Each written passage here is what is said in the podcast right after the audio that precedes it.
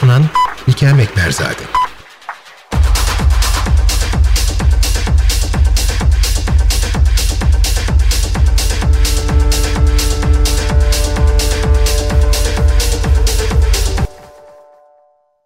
Ünlü fizikçi Ilya Prigojin ilk olarak 1996 yılında yayınlanan kitabı The End of Certainty ya da Belirliliğin sonunda şöyle der. Boltzmann'dan bu yana zaman oku fenomenoloji seviyesine düşürülmüştü. Mükemmel olmayan insan gözlemciler olarak geçmiş ve gelecek arasındaki farktan doğayı tanımlarken sunduğumuz genellemeler üzerinden biz sorumluyuz. Bugün 60'lara döneceğiz ve hikayeyi birkaç yüzyıl geriden başlatarak Isaac Newton, Ludwig Boltzmann ve daha birçok bilim insanı üzerinden entropiyi, nefesimiz yeterse negentropiyi, zamanın okunu yılın bu son entropisinde konuğumuz Hasan Nusret Dalfes ile birlikte fizik, ekoloji ve hayat üzerinden masaya yatıracak Biraz bilim dünyasının arkasında felsefe dünyasınınkinden çok da farklı olmayan entelektüel atışmalara, bilimsel kanıtlar üzerinden üretilen cevaplara bakıp bunun 21. yüzyılın dünyasına ve hayatlarımıza yansımasını çözmeye çalışacağız. Ve umarız ki ilk denememizde olmayacak. Neticesinde zaman noku entropiye tanımlandığı zaman artık geri dönüş mümkün olmaz. Velev ki geri dönülse bile dönülen şey çıkış noktasıyla uyuşmaz. Bugün günlerden 27 Aralık 2020, Entropi'nin 2020 yılındaki son bölümüne 18. bölüme hoş geldiniz. Nusret Hocam hoş geldiniz. Ee, bizim programımız ismini termodinamiğin ikinci kanunundan alıyor ve benim için bu ülkede bunu e, sizden daha derli toplu anlatabilecek başka bir fizikçi yok. Siz farklı düşünebilirsiniz ama benim için Ben öyle... farklı düşünüyorum. tamam hocam.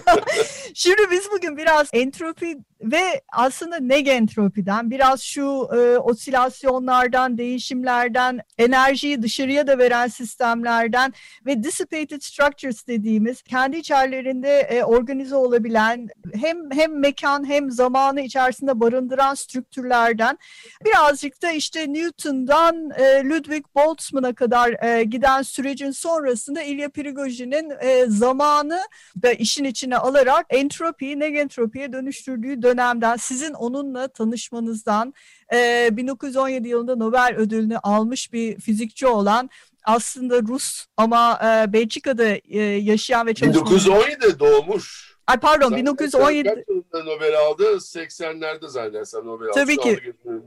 Tabii. Ondan sonra 80'lerde Nobel aldı. 80'lerde Nobel almış. Çok teşekkür ederim düzeltme için. Ben de şimdi siz karşımdasınız böyle benim de hocamsınız aynı zamanda ama konuğumsunuz. ben de heyecanlanıyorum burada. Elim ayağım birbirine dolanıyor. Yok hiç, yok, yok hiç öyle olmasın. Ee, Sağ olun. Biraz biraz e, biraz Prigojin'den bahsedelim. Hem onu yad edelim. Sizin de çok stahişe bahsettiğiniz ve aslında sizin sayenizde de benim bu kadar detaylı tanıma şansına e, erdiğim bir fizikçi kendisi.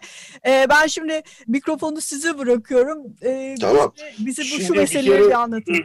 Tarihsel olarak zaten e, entropi kavramından bahsettiğimiz zaman şeye gidiyoruz. Termodinamik bilimine gidiyoruz. Termodinamik biliminin kurucularından bir tanesi Carnot'dur. Fransız Carnot hatta meşhur Cumhurbaşkanları Sadi Carnot'un kardeşi olan Carnot. Ondan sonra o e, termodinamiği kuruyor. Tabii termodinamik aslında şey bir e, endüstri devriminin bir ürünü. Öyle kabul hı hı. etmek lazım. Çünkü orada yapılmaya çalışılan şey e, ısı makinelerini daha etkin nasıl çalıştırırız? E, enerjiyi, e, ısıl enerjiyi, mekanik enerjiye nasıl dönüştürürüz? Nelere, nelere dikkat etmemiz gerekir? Falan gibi soruların cevabı aranırken termodinamik tanımlanıyor. Tabii o termodinamik, o şekilde tanımlanmış olan termodinamik e, hepimizin de yani birazcık böyle hafif bir mühendislik eğitimi veya fen eğitimi alanlarında çok iyi bildiği gibi aslında o termodinamik bizim denge termodinamiği dediğimiz şey. Yani de, her zaman bir e, sistemin bir denge etrafında olduğu, denge olduğu, dengeden çok ufak kaymalar yaptığı ve onun üzerinden giderek bir takım şeyler hesaplanır e, aslında tabii hiçbir zaman dünya öyle dönmüyor. Ee, evet. Etraf, etraftaki biz yaşarken her zaman denge dışı bir e, dünyada yaşıyoruz. Ve o yüzden de yani termodinamiğin e, bazen kullanışlı olmadığı yerler karşımıza çıkıyor. Evet ve aslında Burada denge mı? ve dengenin içi, içi yani denge dengesizliğin içerisinde yer alan e, bu entropinin e, yükselmesi de aslında yaşamı da destekleyen bir şey yeri tabii, geldiği zaman. Tabii yani hani zaten denge dediğiniz zaman e, e, ölüme eşit bir anlamda evet. denge. Ve e, yani yaşayan sistemler e, denge dışı sistemler. Bu eskiden bir, bir bilinen bir hikaye. Ondan sonra fakat e, 1960'lardan itibaren e, aslında 50'lerde başlamış Prigojin. Hı hı. E, 1960'larda itibaren e, hayat denilen süreci, hayata bir denge dışı termodinamik bir olay olarak bakmak, termodinamik bir e, şekilde açıklamak popüler hale geliyor. Yani e, aslında şöyle diyelim, biraz aslında Prigojin'den bahsedelim. Çünkü Prigojin ilginç bir adamcağız e, ve bu kavramları ben hani Prigojin'in lafıyla beraber öğrendim, adıyla beraber öğrendim. Mesela hani lise öğrencisiyken bunları Fransızların bir tane böyle bir popüler bilim dergisi var La Recherche diye. Orada okuduğum bir takım şeylerle e, ben bunlarla tanıştım bir anlamda. Sonra e, o beni tabii şeye motive etti. Hani bir yerde ben o zamanlar çok biyoloji delisi birisiyim. Biyoloji okumak istiyorum falan. Sonra biyoloji okumak için aslında biyoloji okumanın yolunu teorik kimyadan geçti. İşte teorik kimyada teorik fizikten geçtiğini falan düşündüm. Sonra kendimi fizik fizik okurken buldum. İyi de oldu. Yani daha doğrusu ben her zaman için daha iyi biyolojiyle uğraşabilmek için fizik okumuş bir adamım. Aslında tabii öyle olmadı o iş. Ancak so- sonraki yıllarda ancak ben e, ekolojiye kayma imkanı bulabildim. E, fakat bu Prigojin o zamanlar tabii çok ilginç geldi bana. O, o, tabii belli bir takım kitapları vardı ama ondan sonra daha Prigojin zaten 70'lerden sonra da takım e, ilginç kitaplar yayınladı. Bir Evet. e, ondan sonra e, Isabel Stanger'dır galiba onunla beraber. E, neyse, Hatta iki yani- tanesinde ismini söyleyelim. Belki okuyucularımız karıştırmak ister. Bir Order Out of Chaos var. Yani kaostan Evet, çıkan evet. düzen. Bir de e, neydi? Time for Uncertainty miydi? İkinci kitabı da. E, o da çok Tekrar enteresan. Şu anda elimde yok onlar. Evet yani var. yani şey uncertainty emin olmama zamanları. E, belirsizlik, belirsizlik. Evet. Belirsizlik, belirsizlik. Neyse yani Prigojin de çok ilginç bir adam ve bu işlere e, damgasını vurmuş bir adam ve hani e, şey değil köşesinde ya- e, yaşayan bir adam da değil. Bu işleri bir miktar popülerize etmiş bir adam. Bir takım yazarlarla işbirliği yapan. Prigojin ilginç bir adam. 1917'de doğ- doğuyor. Bildiğim kadarıyla Moskova'da doğuyor. Ve bir e, kimya mühendisi baba, çok önemli kimya mühendisi baba olması belki de hayatı için ve piyanist bir anneden doğuyor. Sonra onlar e, yani e, aslında İlya e, Romanovich Prigojin yani romanın roman babasının da romanın oğlu Prigojin e, İlya olarak e, dünyaya geliyor. Sonra bu 3-4 yaşlarındayken Batı Avrupa'ya göçüyorlar. 1921'de bildiğim kadarıyla Batı Avrupa'ya göçüyorlar. Ve Batı Avrupa'da sonunda Belçika'ya yerleşiyorlar. Evet ve Ee, e, çalışmalarını da artık hayatın sonuna kadar orada devam ettiriyor. E, Belçika'da gidiyor çalışmaları. Yani aslında eğitiminin çok önemli bir kısmını hemen he- hepsini e, şeyden e, bu e, Brüksel'de e, e, hem Fransızca versiyonu vardır hem bir de e, Flemenkçe versiyonu vardır. İki tane e, e, şey Brüksel Özgür Üniversitesi'nde. Üniversite Hı hı. Libre de Brüksel'den yapıyor. Bütün hı. eğitimi orada geçiyor. Ama ondan sonra işte parlamaya başlıyor ve tabii bir ayağı da Amerika'da oluyor. Onu da söylemek lazım. University of Texas Austin'da oluyor. E, Texas Üniversitesi'nde oluyor. Hatta orada bir merkez kuruyor falan. E, Yani şey değil. e, Sadece Belçika'ya kapalı kalmış bir adam değil. Ve bir takım şeylerin de başların e, bir takım bir uluslararası bir bilim akademisinin başında oluyor falan. Bir takım şeyler yapıyor. Ve tabii sonunda Nobel. Ben onu Nobel almış. Yani ben onu bilimsel olarak tanıdım ama fiziksel olarak tanışmam onun e, sağ kolu olan e, Gregoire Nicolis ve onun eşi e, Gregoire Nicolis daha çok bir fiziksel kimyacıdır. Ondan sonra onun eşi e, Kati Nicolis. Bunda bir tane Gregoire zannedersem Atinalıdır. E, Kati de e, şeyli e, İskenderiyeli bir Rum. Ondan sonra e, onlarla ben tanışıklığım vardır. E, Kati'den, yani iklimle uğraştığımdan dolayı Kati ile tanıştım. E, ve e, Kati'nin düzenlediği, Girit'te düzenlediği bir toplantıda e, oraya e, Prigojin de davet etmiştik Kati. Çünkü onların yakın... Ve siz onun elini sıktınız sonra E, bir anda elini yıkadı. Ha tamam o eli sıktıktan sonra yani benim hayatımda Prigojin'in elini sıkmak ona dediğim gibi yani birkaç gün elimi yıkamadım desem doğrudur.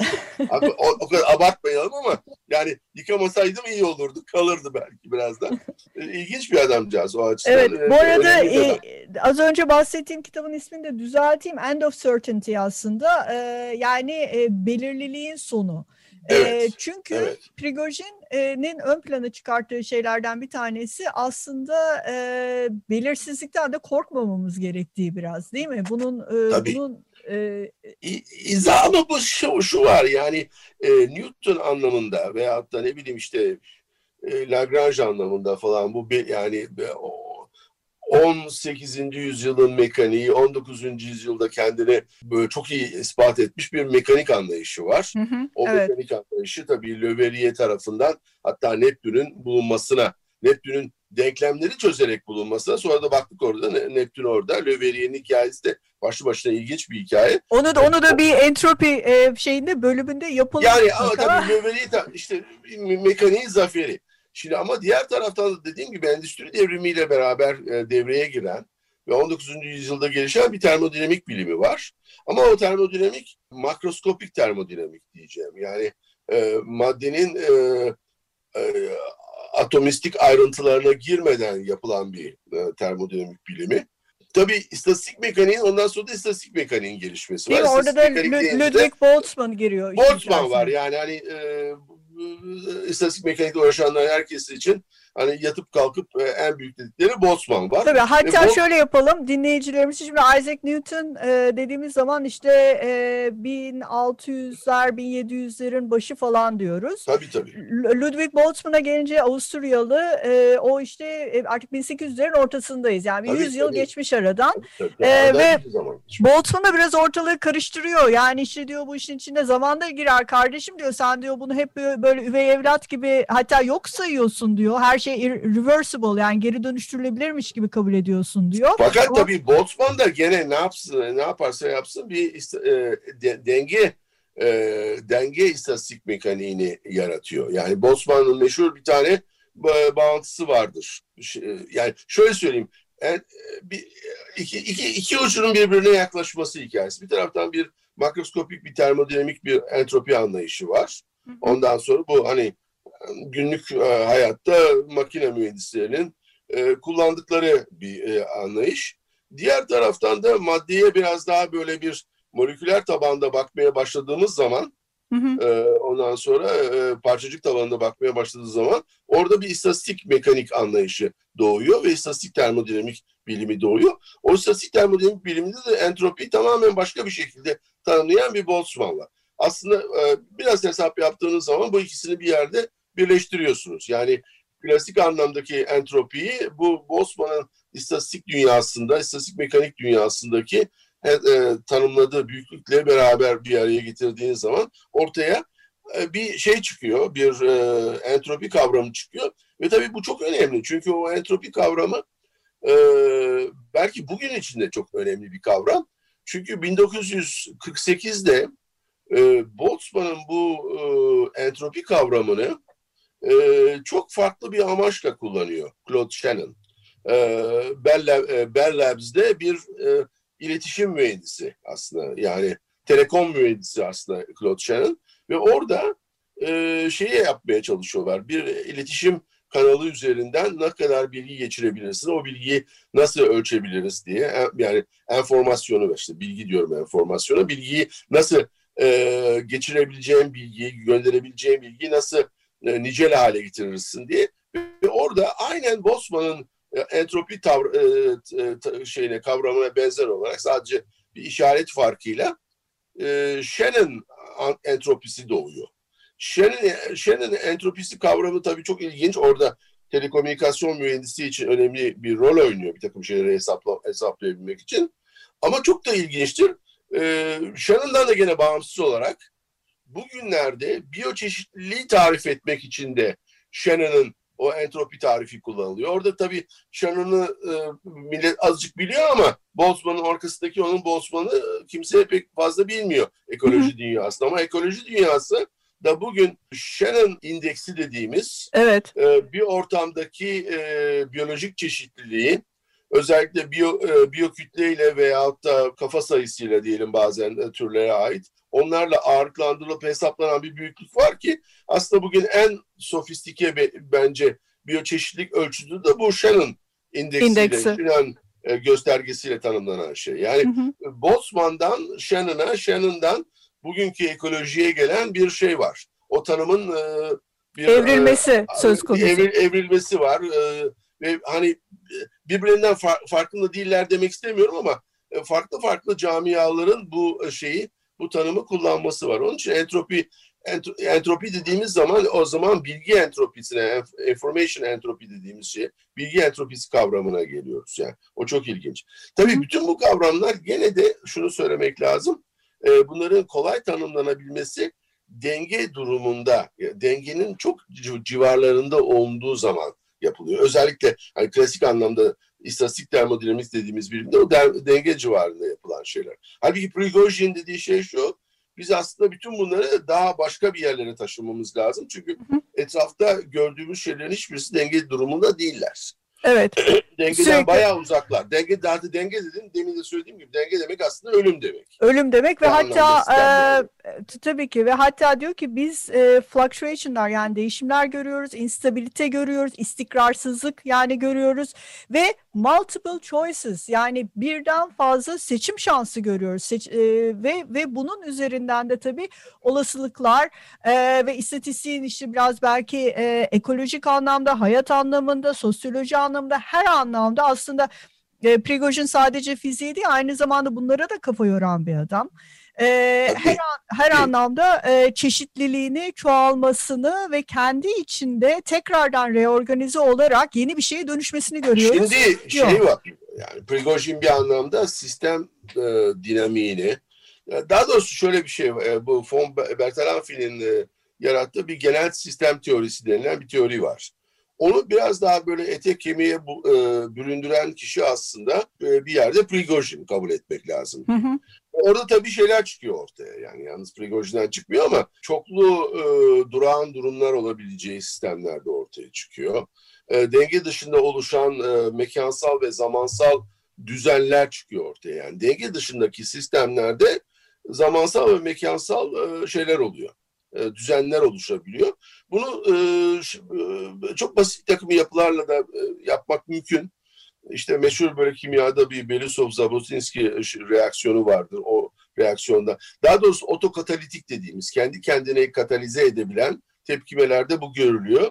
Ve bunlardan bir örneği de brüselatör diye hatta Brüksel'den adını verdiği brüselatör dediği bir kimyasal tepkime sistemi. Ben, ben şey lisans yıllarımda bunlarla biraz oynadım aslında. Yani onların sayısal hesaplarını falan yaptım. Bu tabii benim bu denge dışı termodinamiği olan merakım e, biyolojiye yönelik bir meraktı. Fakat iş şeye gelince e, tamamen ben biyoloji dünyasından bir anlamda e, şeylerimi, emellerimi gerçekleştiremeyip kendime bir Umudunuzu kesince. Ha, uzay fiziği ve astronomi bölümünde bulduktan sonra e, Rice Üniversitesi'nde Orada kendimi test konusu ararken, e, yani doktora test konusu ararken e, aklıma bu geldi, bu tip konuları. Çünkü o, o sıralarda da e, aşağı yukarı e, Gart Paltrish diye bir Avustralyalı iklim bilimci, atmosfer bilimci bu denge dışı termodinamiğin kavramlarını iklim sistemine uygulamaya çalışıyor. Hı hı. Çünkü iklim sistemi de aslında denge dışı çalışan bir sistem. İklimin düzenliliği, bir düzeni varsa ondan sonra bu denge dışı sistemde kurulmuş bir şey. Yoksa hani de, e, gezegenin üzerinde tamamen bir termodinamik denge olsa ne, ne kuş uçar ne rüzgar e, eser. Öyle Tabii. bir duruma geliriz. Bu denge dışı termodinamik kavramlarını acaba iklimde kullanabilir miyim? E, ve onu oradan tabii bununla ilgili bir sürü şeyler çıkıyor et, etrafa. Böyle işte en yüksek e, disipasyon, ondan sonra hızları, en düşük bilmem neler ıvır zıvır gibi kavramlar falan çıkıyor. Ama yani şöyle bunu da anekdotal olarak söyleyeyim ben bu fikirlerimi e, üniversitedeki danışmanım e, toprağı bu olsun e, Joe Chamberlain'a anlattığımda e, dedi ki ben dedi bir tane daha şey istemiyorum etrafta dedi. Carl Sagan istemiyorum dedi. bir Dedim, tane yeter çünkü o Carl Sagan'ın hocası olmuş e, Chicago Üniversitesi'nde. Dedim peki ne? Yani ne demek istiyorsun Carl Sagan? Vallahi dedi Carl Sagan biyologlara gidiyor. Çok büyük astronom olduğunu söylüyor. Astronomlara gidiyor. Büyük biyolog olduğunu söylüyor dedi. Ben böyle ikisinin arasındaki bir takım adamlardan hoşlanmıyorum dedi. Sen yapacak adam gibi bir tane iklim bilimle ilgili basit bir e, problemle uğraş dedi bana. Ondan sonra benim tabii o termodinamikle iklimi birleştirmek hikayesi biraz hayal oldu. Bu konuda çok fazla kişi çalışmadı ondan sonra da onu söyleyeyim. Yani Gart Baltus yaptığı şeyler oldu. Sonra başka bir öğrencimiz var, öğrenci vardı bizim e, departmanda Rice'da. O e, sonra e, Kanada'ya gitti. Master'dan sonra Kanada'ya gitti. Chris diye bir arkadaş. O biraz bu tip şeylerle biraz uğraştı ama e, buradan çok fazla ekmek çıkmadı. Öyle söyleyeyim iklim dünyasına. Şimdi e, geri dönersek e, aslında e, Prigojin'in bizim önümüze serdiği yolda gittiğimiz zaman biz bunu çok kolaylıkla ekolojiye adapte edebiliyoruz. Sizin söylediğiniz gibi çok kolaylıkla e, iklime adapte edebiliyoruz. Ve tekrar şeye geri dönersek son kalan 5 dakikamızda da biraz ona bakmak istiyorum hocam. E, burada aynı zamanda Prigojin'in üzerine basa basa söylediği şu zamanın kolu zaman kolu. Ya, yani zaman parametresi artık bizim e, olmazsa olmazlarımızdan birisi haline geliyor ve her şeyi buna göre düşünmemiş ve ve kendisinin yani zamanın yönlü bir şey olduğu kavramı. Evet. Yani zamanın oku Kolu. dediğimiz. oku, evet, de, oku, dediğimiz oku, doğru dediğimiz. oku dediğimiz. Yani zamanın yönlü olduğu ve bu zamanın yönlü olduğunu kabullenmemiz gerektiği. Çünkü hani e, bazen e, e, denklemleri simetrilerine falan baktığınızda zaman klasik mekanik açısından böyle simetrik olabiliyor. Yani iki hangi yönde gideceğiyle ilgili çok önemli bir şey olmuyor. Ama şöyle de bir şey var o etrafta. Bu tabii dünyaya lineer bir bakış açısı, doğrusal bir bakış açısıyla e, kalkışıyoruz. Halbuki son zamanlarda ne oldu size son zamanlarda dediğimse 1960'ların başlarından itibaren kaotik sistemlerle ilgili çok şeyler öğrendik. Evet. Yani Ed Lorenz'le başlayaraktan arkasından işte başkaları da bunu izledi. Bunu matematiksel yapısını oluşturmakta. Zaten Prigojin de e, klasik ve kuantum fiziğe artık diyor instabilite, e, istikrarsızlık ve kaosu katmamızın zamanı gelmiştir Tabii. diyor bu e, Tabii. Kitabı yazdığı zaman. Yani e, dediğiniz gibi artık artık değişiyor yavaş yavaş. e, Onun için yani açıları. bir taraftan gelişen bir 60'lardan itibaren gelişen bir şey var. Lineer olmayan sistemlerin getirdiği zenginlikle ilgili fikirler var. Bir taraftan Prigojin'in bunları termodinamiğe entegre etmesi var 70'lerde gene e, ağırlıklı olarak 70'lerde 80'lerde falan. Bütün bunlar böyle bir araya geliyorlar. O zaman aslında denge dışı doğrusal olmayan bir dünyanın getirdiği bir zenginlik var. O zenginliğin gelebileceğini herkes gördü ve yani artık e, hayat süreçlerini ama hayat dediğimiz zaman yalnız hücrenin çalışmasına demiyorum burada. Çeşitli ölçeklerde yani topluluk ölçeğinde, ekosistem ölçeğinde hayatın gelişmesine bu e, kavramsal araçlarla, bu entelektüel araçlarla bakmak bize e, daha bir onları daha bir anlamlı kılıyor. Evet, evet hocam çok teşekkür ederim hocam programımıza Rica ederim. katıldığınız için. Biz sizi daha çok şeyler konuşacağız. Bugün e, biraz Prigojin'le ufak ufak bir giriş yaptık. Benden kurtuluşunuz yok. ara ara sizi entropiye e, uzman fizikçimiz olarak davet edip biraz bilim dünyası dedikodularına girelim diyorum. Ne dersiniz? Tamam ama yani Türkiye'de çok iyi istatistik mekanikçiler de var. Mutlaka. onları da inşallah e, senin programına getirmeyi başarırız diye düşünüyorum. Mutlaka mutlaka inşallah hocam. Çok teşekkürler her şey için. Ee, bu da bizim e, bu senenin son entropisi oluyor. Buradan herkese iyi yıllar, mutlu yıllar, güzel bir 2021 olsun diyelim. Ee, entropisi yüksek ama keyifli bir yıl olsun diyelim. ne dersiniz? Entropisi yüksek ama entropiyi de aynı zamanda sistemden atmayı başarmak lazım. Çünkü hayat varsa negantropiyle oluyor, negatifiyle oluyor. Sistemden entropiyi dışlamak e, şeklinde. Entropiyi sistemden atmak demek arada sırada benim yaptığım gibi masamın üstünü temizlemem, düzeltmem. Biraz ona benziyor. Ben de bazen masamın üstünü düzeltirken entropiyi azaltmaya çalışıyorum derim. tamam hocam bu, bu da bizim kulağımıza bir küpe olsun. Çok teşekkürler her şey için. Görüşmek üzere. Görüşmek üzere.